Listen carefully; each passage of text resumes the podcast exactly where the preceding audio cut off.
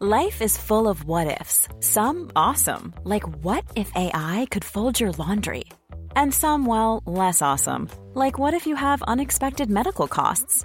United Healthcare can help get you covered with Health Protector Guard fixed indemnity insurance plans. They supplement your primary plan to help you manage out of pocket costs. No deductibles, no enrollment periods, and especially no more what ifs. Visit uh1.com to find the Health Protector Guard plan for you. Hey, I'm Ryan Reynolds. Recently, I asked Mint Mobile's legal team if big wireless companies are allowed to raise prices due to inflation. They said yes. And then when I asked if raising prices technically violates those onerous two year contracts, they said, What the f are you talking about, you insane Hollywood ass? F- So to recap, we're cutting the price of Mint Unlimited from $30 a month to just $15 a month. Give it a try at mintmobile.com slash switch. $45 upfront for three months plus taxes and fees. Promo rate for new customers for limited time. Unlimited more than 40 gigabytes per month. Slows. Full terms at mintmobile.com. Everyone knows therapy is great for solving problems, but getting therapy has its own problems too, like finding the right therapist, fitting into their schedule, and of course, the cost. Well, BetterHelp can solve those problems. It's totally online and built around your schedule. It's surprisingly affordable too.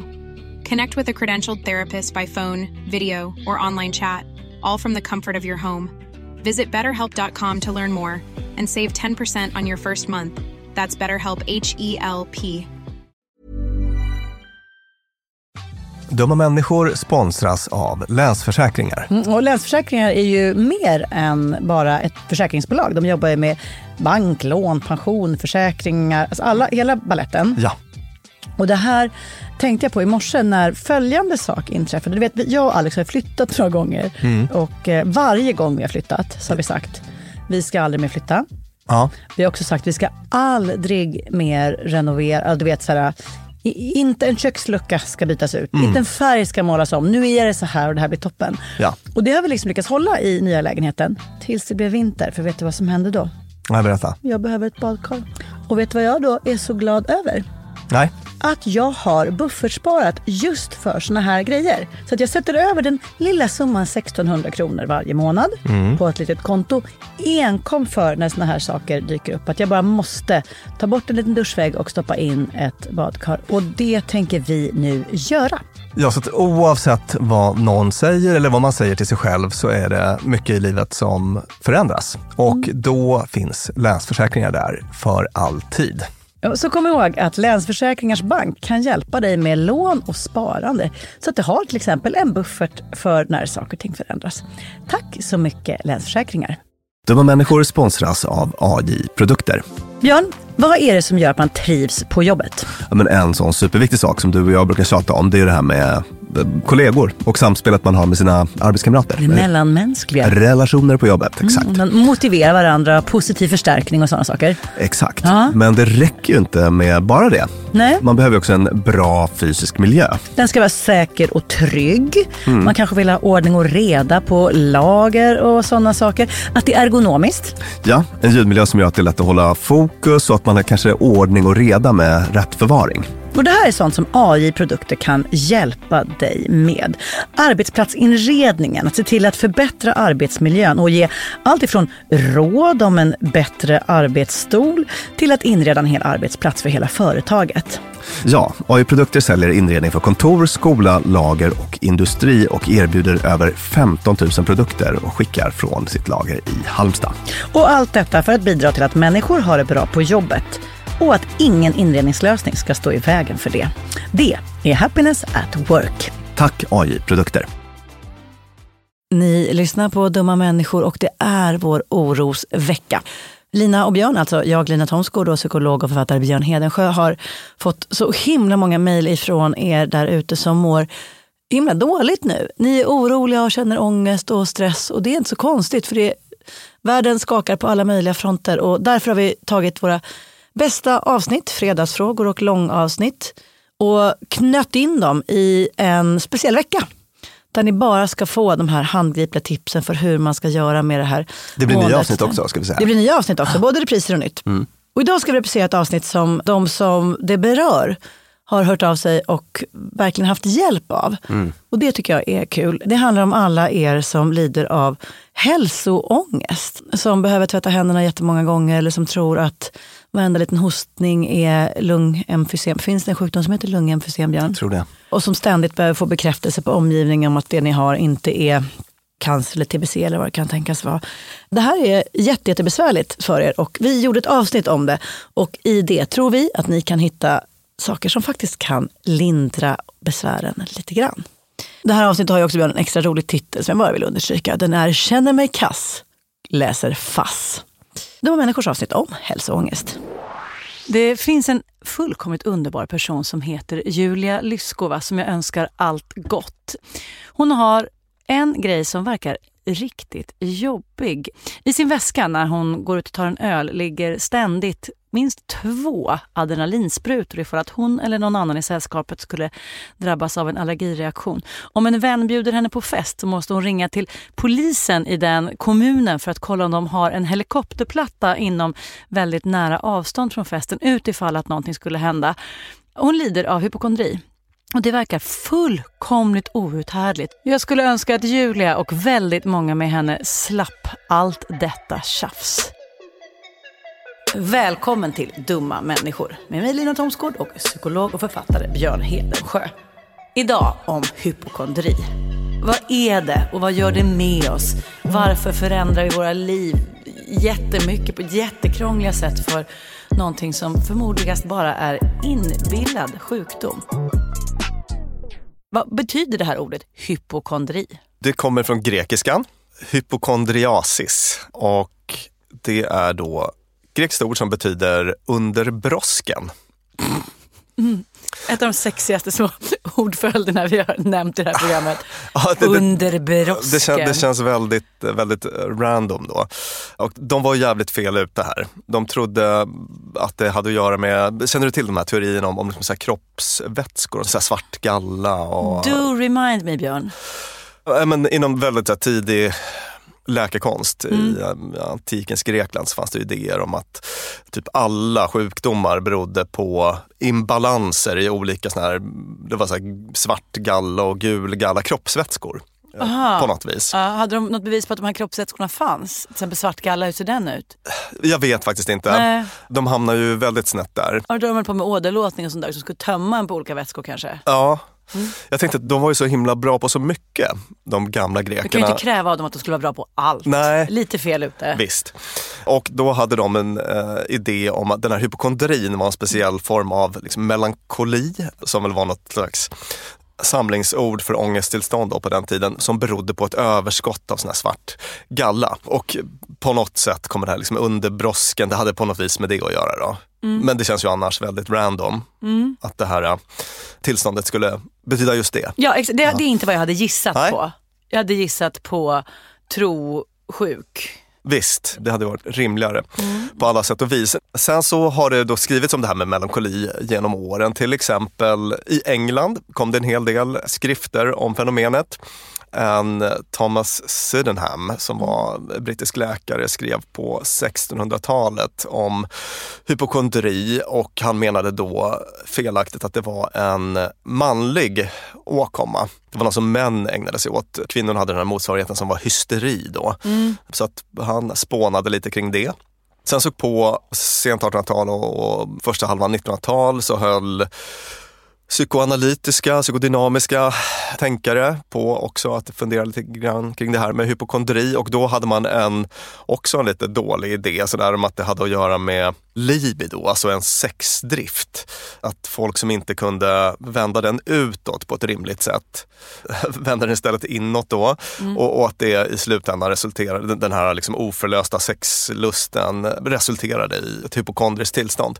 Mm. Man kallar det numera hälsoångest då. Hälsoångest och inte hypokondri? Ah, samma sak egentligen. Ja. Det är mer att så här, den term som jag och mina kollegor använder är hälsoångest. Ingen förstår hur dåligt jag mår Ingen förstår min oro Så hälsoångest, det är ju då stark och ihållande oro för att själv ha eller att man kommer att drabbas av en allvarlig sjukdom. Mm. Och det är en oro som också är överdriven jämfört med verklig sjukdomsrisk eller de kroppsliga symptom man upplever. Så, så att det är en viktig del att det är lite urspårat.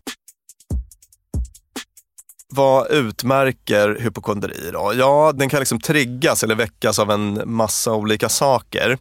Det kan räcka med att man läser något eller ser ett liksom, tv-program eller någonting för att det ska bara dra igång hela den här orosapparaten. Det kan vara att man känner av att hjärtat slår lite och drar väldigt långtgående slutsatser utifrån något kroppsligt symptom. Sådär. Just det, där kan man ju känna igen. Alltså jag vågar inte följa på Instagram eller titta på internet på sådana här skönhetskonton för att då blir jag plötsligt medveten om hur mycket med mig som inte är rätt. Du blir väldigt självmedveten. Ja exakt, ja. man bara, jag fröknade inget mer med det och sen så, nej det var jättefula solfläckar som jag borde bleka bort. Mm. Eller liksom, porer är väl bara porer, det är väl ingenting man ska bry sig om. Så, jo, de ska vara små mm. och inte stora, man ska fräta bort dem och så vidare.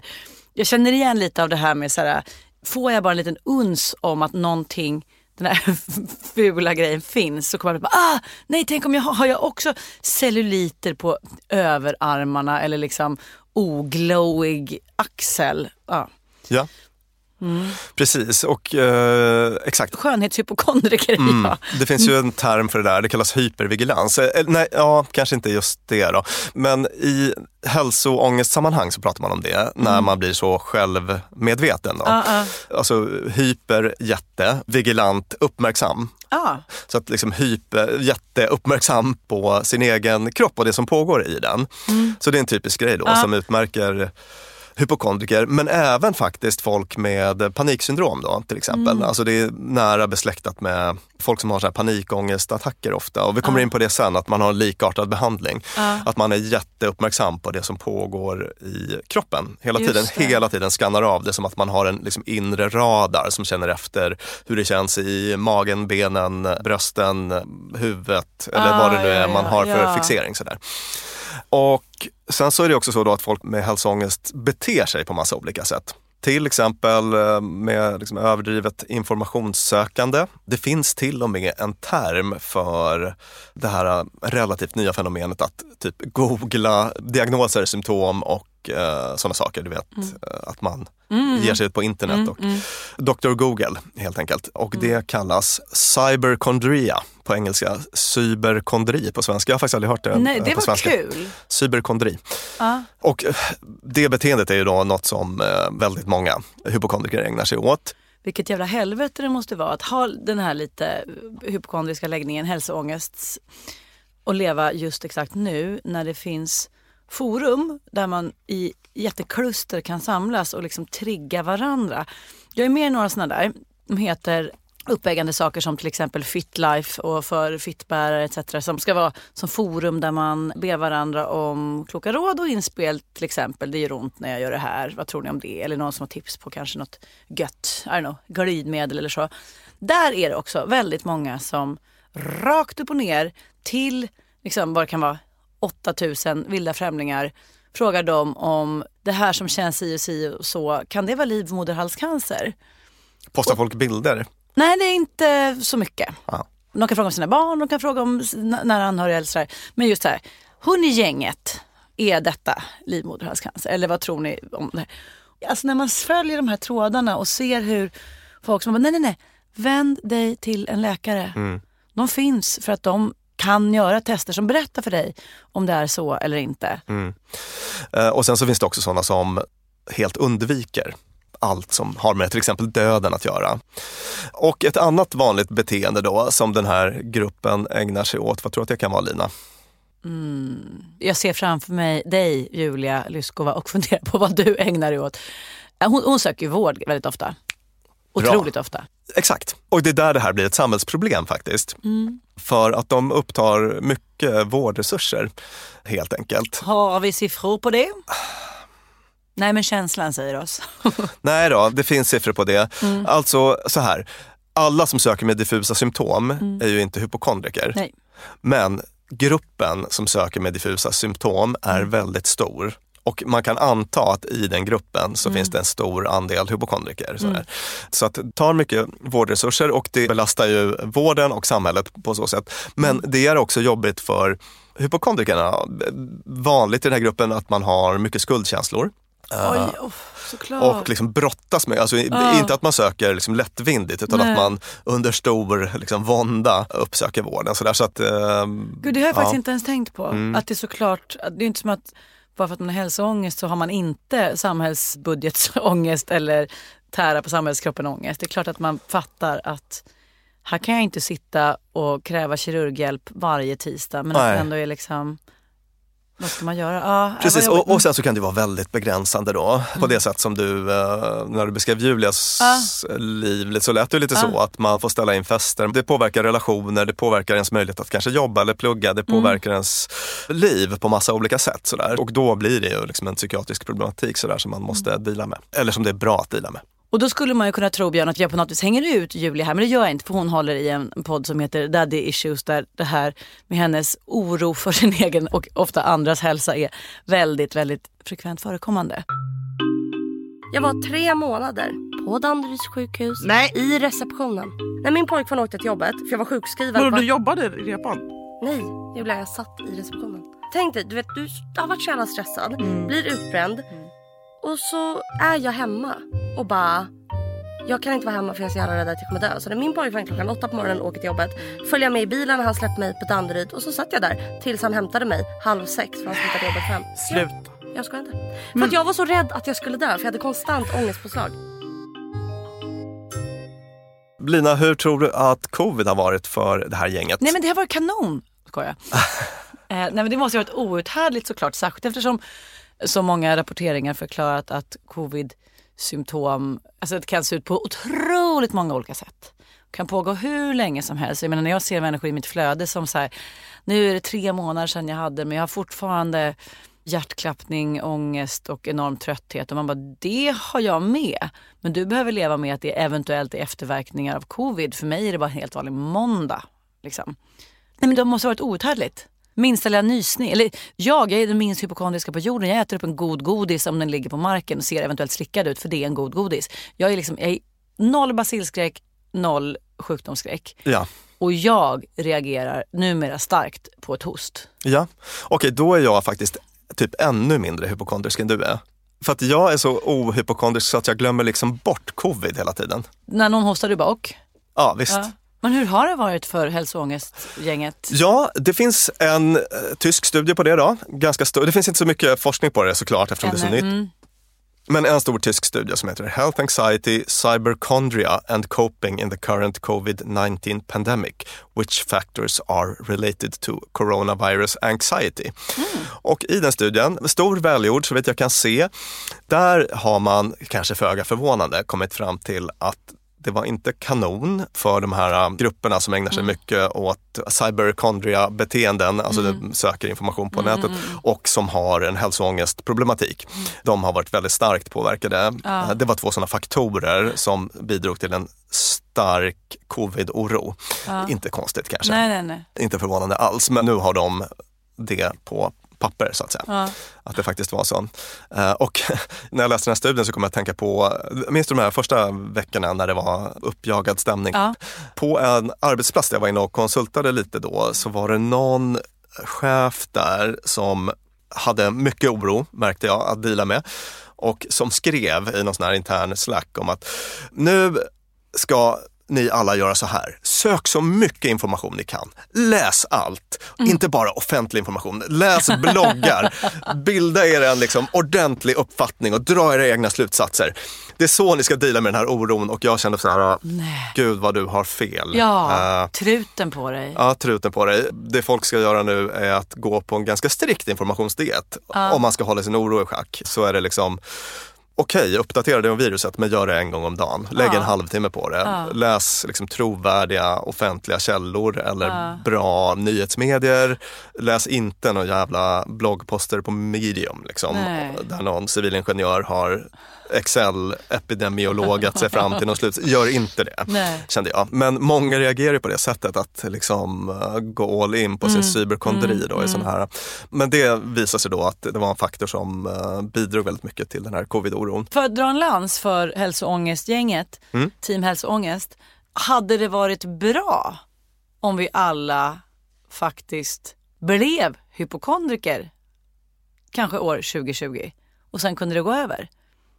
Tror att det hade hjälpt oss om alla bara oh hjälp, liksom, eh, know, gick runt med handskar och munskydd och inte vågade ta i hand någon. Det hade varit jävligt effektivt rent smittspridningsmässigt, eller? Ja, det hade väl varit, men sen så hade vi väl kanske fått en liksom samhällskollaps då. då.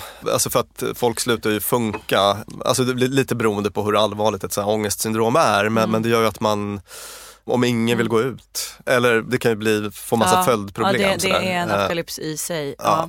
Men kanske liksom en lagom dos. Sådär. Mm. Om, om alla hade handskar och munskydd. Det hade väl varit bra säkert. Så att jo visst, du kanske har en Mm. liten poäng där. Känner mig kass, läser fast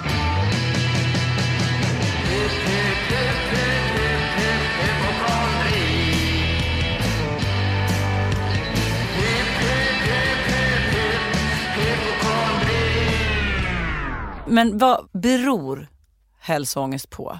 Är det en sjukdom vi pratar om? Ja visst, alltså det är precis ett psykiatriskt tillstånd. Liksom. Ja, hur, hur funkar detta? Man tänker sig numera att det är ett liksom ångesttillstånd. Mm, det tillhör liksom ångestfamiljen. Det tillhör ångestfamiljen, släkt med panikångest.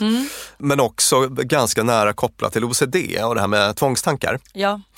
Och precis som andra ångesttillstånd så det här med ångest det är en sån här egenskap som är normalfördelad i befolkningen. Det vill säga att den är lite liksom rent genetiskt. Om man tittar på alla i befolkningen så är det Ja. lite, en del har mycket av det, en del har mindre av det. De flesta ligger någonstans i mitten sådär. Men så har vi svansar där man har en del folk med jättemycket ångest och en del Ja. med lite mindre sådär, i andra ändan. Okej. Och det här är då en av de där genetiska sakerna så att du kan vara predisponerad Att ha, att tillhöra ångestgänget och då är en av de ångeståkommorna du eventuellt har lite lättare att drabbas av än andra hälsoångest. Precis, och då kan man ju säga att det är en sån grej som jag brukar ta med mina klienter och patienter Mm. som har ångestproblematik, att det är inget fel att vara en sån här uh, high anxiety person.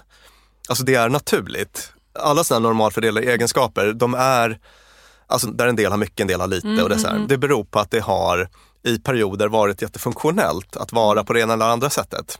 Så att ta en person som är så lite uppskruvad och har lätt till ångest. Det var en sån man satte att vakta grottan, rent ja, ja, liksom, den har fyllt en evolutionspsykologiskt. superfunktion Ja. i, i gänget. Eh, Att vara så hypervigilant, alltså jätteuppmärksam på sånt som händer i omgivningen och, och så, har ju naturligtvis sina fördelar. Just det, man behöver inte se det som en defekt utan en, en superkraft i vissa tillfällen. Visst, så det är vad det är och, och det är ofta så att folk har nytta av det ibland. Till exempel om man har perfektionism, så eh, det brukar vara ganska ångestdrivna personer som är liksom perfektionistiskt lagda. Och de har ju supermycket nytta av det i karriär och sådär. Men sen blir det problematiskt när det går över den här liksom diagnosnivån då och ställer till det för en, liksom hindrar relationer, jobb eh, och fuckar livet, kort sagt. Då. Och det här kan ta sig uttryck i hälsoångest. Då, då. Och om vi ska ta helt kort bara hur, hur det funkar. Det är att man har den här benägenheten att ha hälsoångest. Man stöter på någonting som utlöser ångesten och det kan vara liksom en inre pryl, hjärtklappning eller något yttre, en P1-dokumentär om döden.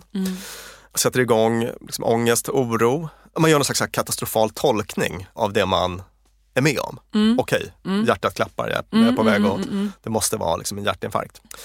Får ångest och oro, Går det där via hjärnan, alltså hinner man sitta och grunna på det eller kommer det liksom impulsivt så här? det kommer impuls, alltså det kommer, den här felaktiga tolkningen kommer direkt. Liksom. Ja, för det är det jag kan tänka. N- när jag hör det här, Mm. så jag blir ju trött. Alltså jag märker att om jag hör en dokumentär om hjärtfel och känner att mitt hjärta kan... Då gör jag liksom lite, jag pallar inte ta det på allvar eller börja fundera på om hit och dit. För man bara, äh, jag vill äta popcorn. Alltså jag, jag liksom energisparar så att jag inte tänker på det ens. Och sen föreställer jag mig att många rationellt kan fundera bort den där ångesten. Men det vi har att göra med här är liksom en expresssnabb, alltså ångesten kommer direkt. Och då är det liksom för sent att börja fundera sig ur det. Ja, Ja. exakt, precis. Och du är på något bra där, för det här är en sak som jag nästan tar upp med alla, eller det jag tar upp det med alla mina ångestpatienter.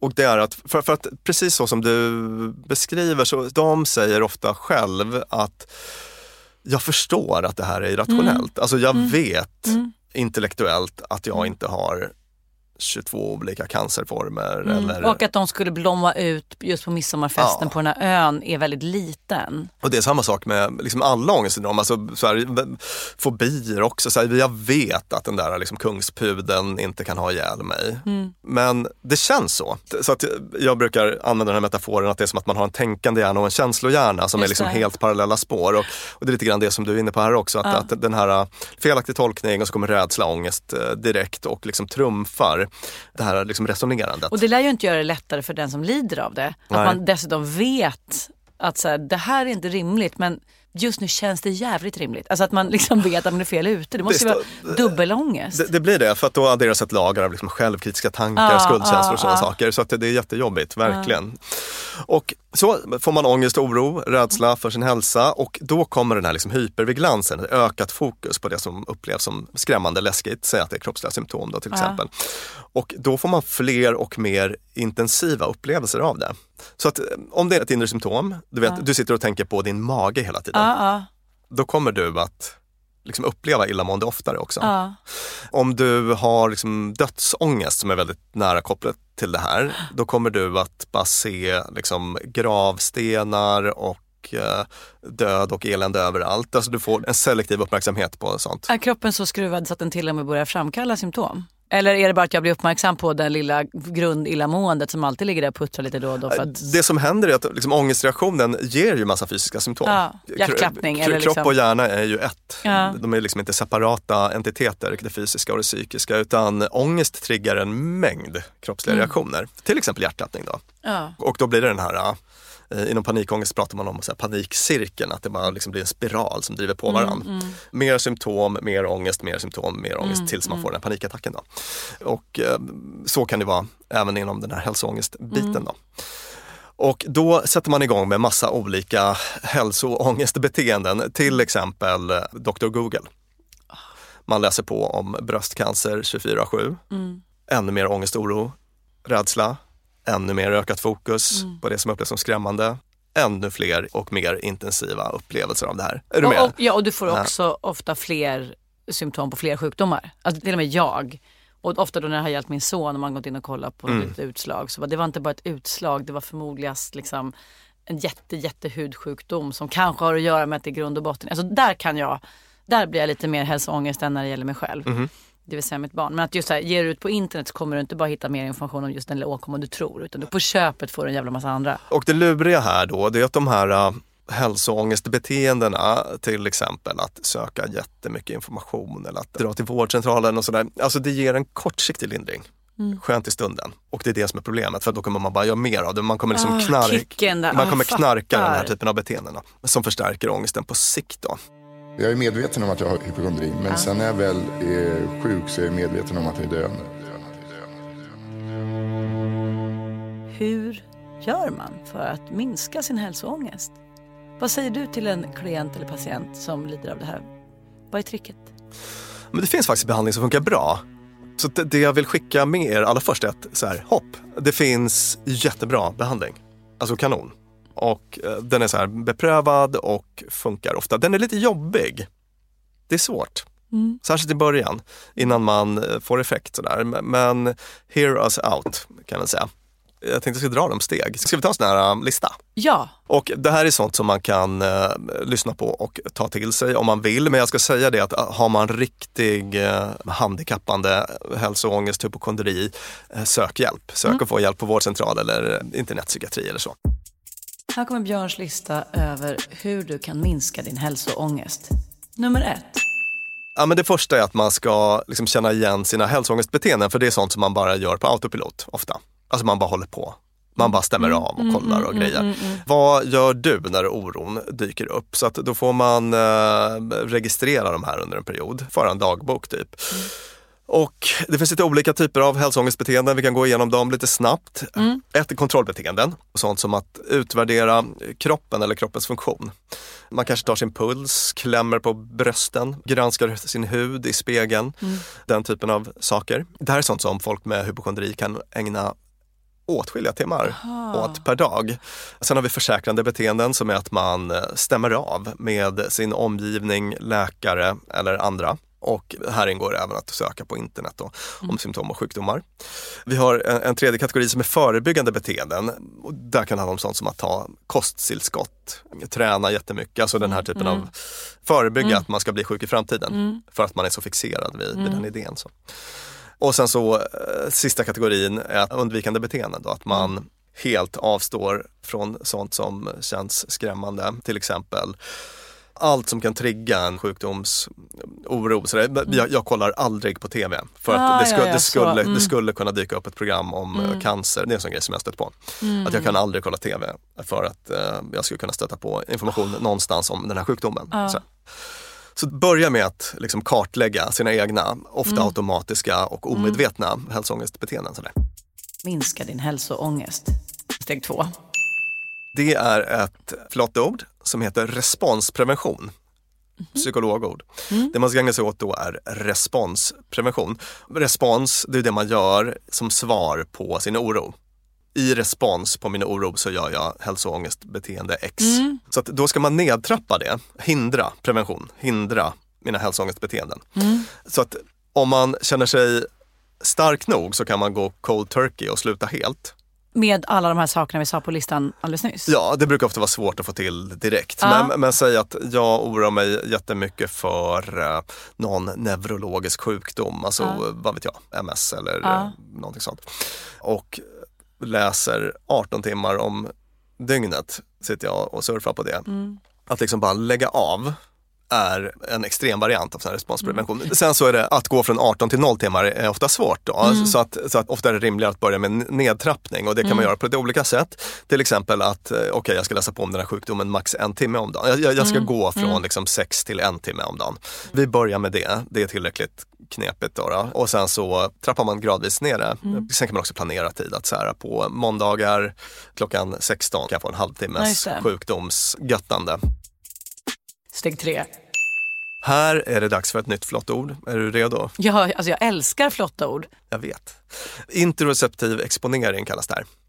Där exponerar man för kroppsliga symptom. Att lära sig att fullt ut vara i de kroppsliga symptom man är rädd för. För säg till exempel då att du är otroligt uppmärksam på hur det känns i din mage för du är orolig för magcancer. Det är liksom din grej. Sådär. Väldigt uppmärksam på hur det känns i magen. Då kommer du så fort du liksom känner de symptomen, vilket du kommer göra ofta för att du är så uppmärksam på det. Då kommer du att bara kasta det ut på internet kanske som en respons på det. Men att träna på att faktiskt vara i de här symptomen, att liksom ha dem och ändå liksom stå ut, göra annat, inte bli helt styrd av det. Det kan man träna på genom att exponera för beteendena. Så att det är en sån grej som jag gör i rummet ibland, att nu ska du och jag bara sitta och känna hur det känns i våra magar i fem minuter. Och det här är en svinjobbig övning såklart för folk som eh, ja, men, oroar sig för magcancer, sitta och tänk, aktivt fem- bara sitta och tänka fem minuter med- på magen dig, i fem ja. minuter är inte, det är ingen nice. Det, det intressanta är ju då, bara som en eh, liten parentes om hur det här med eh, hypervigilans eller, eller det här jätteuppmärksamheten på den egna kroppen, hur det funkar.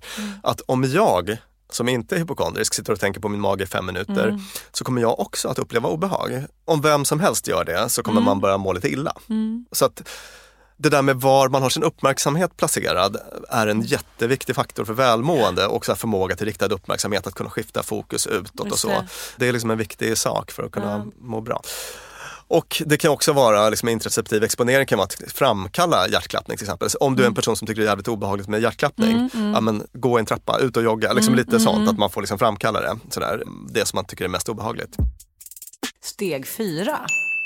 Exponering in vivo, ute i verkliga världen, in vivo i livet. Va?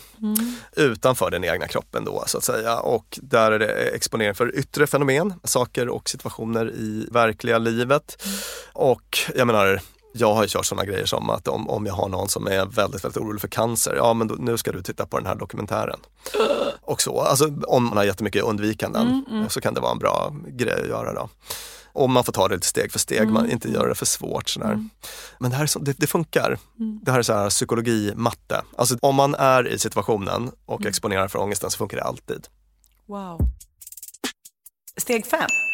Exponera för katastroftankar och då är det till exempel ofta rädsla för döden. Väldigt ofta kopplat till dödsångest det här. Hänger jättenära ihop med dödsångest. Och ofta kommer det liksom i par, sådär att jag är orolig för sjukdomar och för min egen död.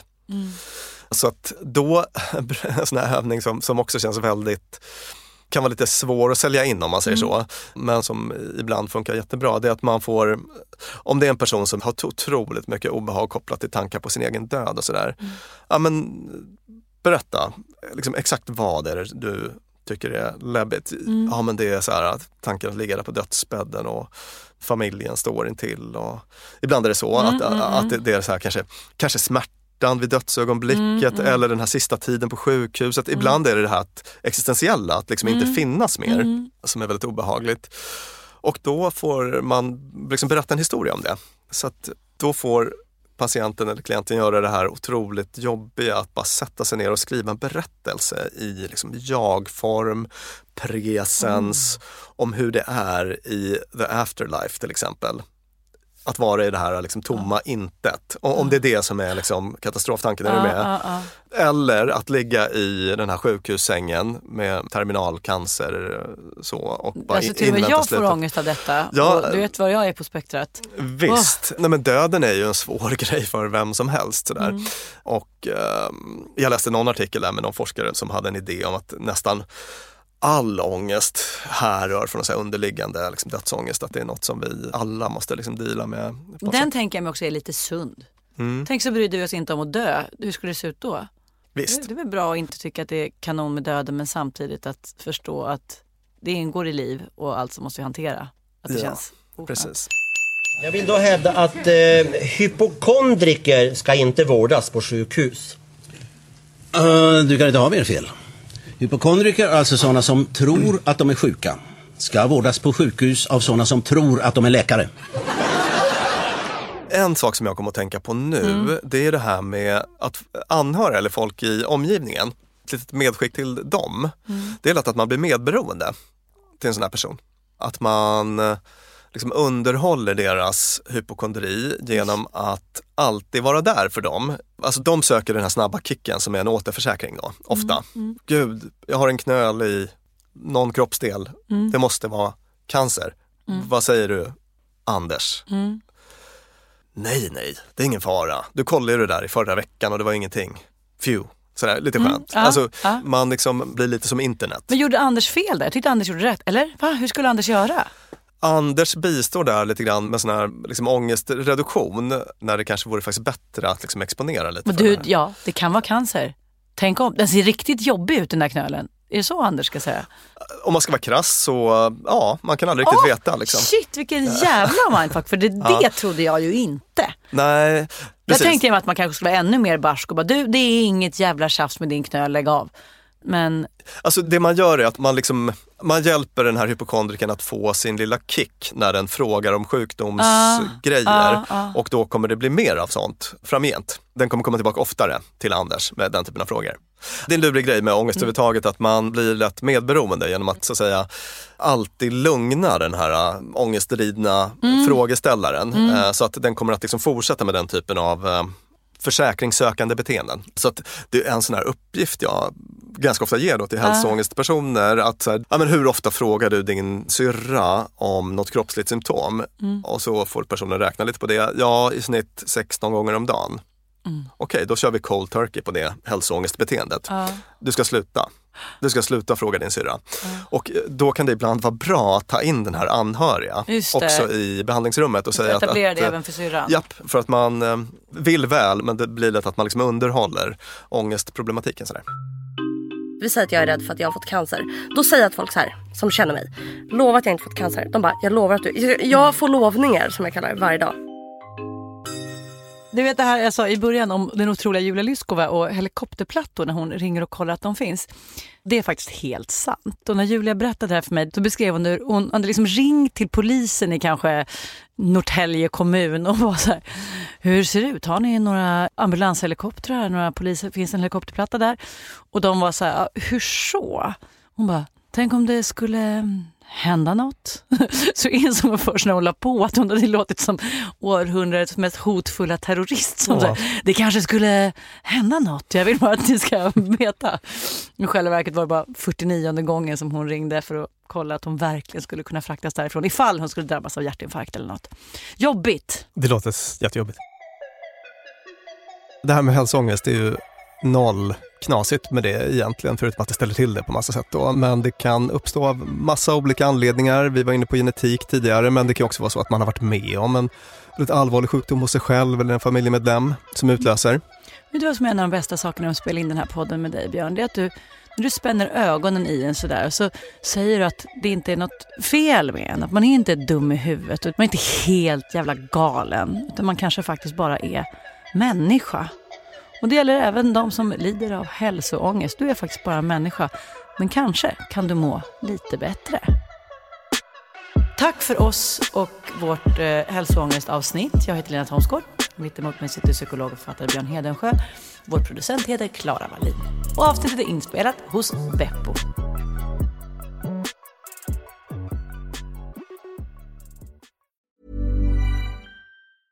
Even when we're on a budget, we still deserve nice things. Quince is a place to scoop up stunning high-end goods for 50 to 80% less than similar brands. They have buttery soft cashmere sweaters starting at $50, luxurious Italian leather bags, and so much more. Plus, Quince only works with factories that use safe, ethical, and responsible manufacturing. Get the high-end goods you'll love without the high price tag with Quince. Go to quince.com/style for free shipping and 365-day returns. Mom deserves the best, and there's no better place to shop for Mother's Day than Whole Foods Market. They're your destination for unbeatable savings, from premium gifts to show-stopping flowers and irresistible desserts. Start by saving 33% with Prime on all body care and candles. Then get a 15-stem bunch of tulips for just $9.99 each with Prime. Round out Mom's menu with festive rosé, irresistible berry chantilly cake, and more special treats. Come celebrate Mother's Day at Whole Foods Market. Imagine the softest sheets you've ever felt. Now imagine them getting even softer over time. That's what you'll feel with Bowl and Branch's organic cotton sheets. In a recent customer survey, 96% replied that Bowl and Branch sheets get softer with every wash. Start getting your best night's sleep in these sheets that get softer and softer for years to come. Try their sheets with a 30-night guarantee. Plus, get 15% off your first order at bowlandbranch.com. Code BUTTERY. Exclusions apply. See site for details.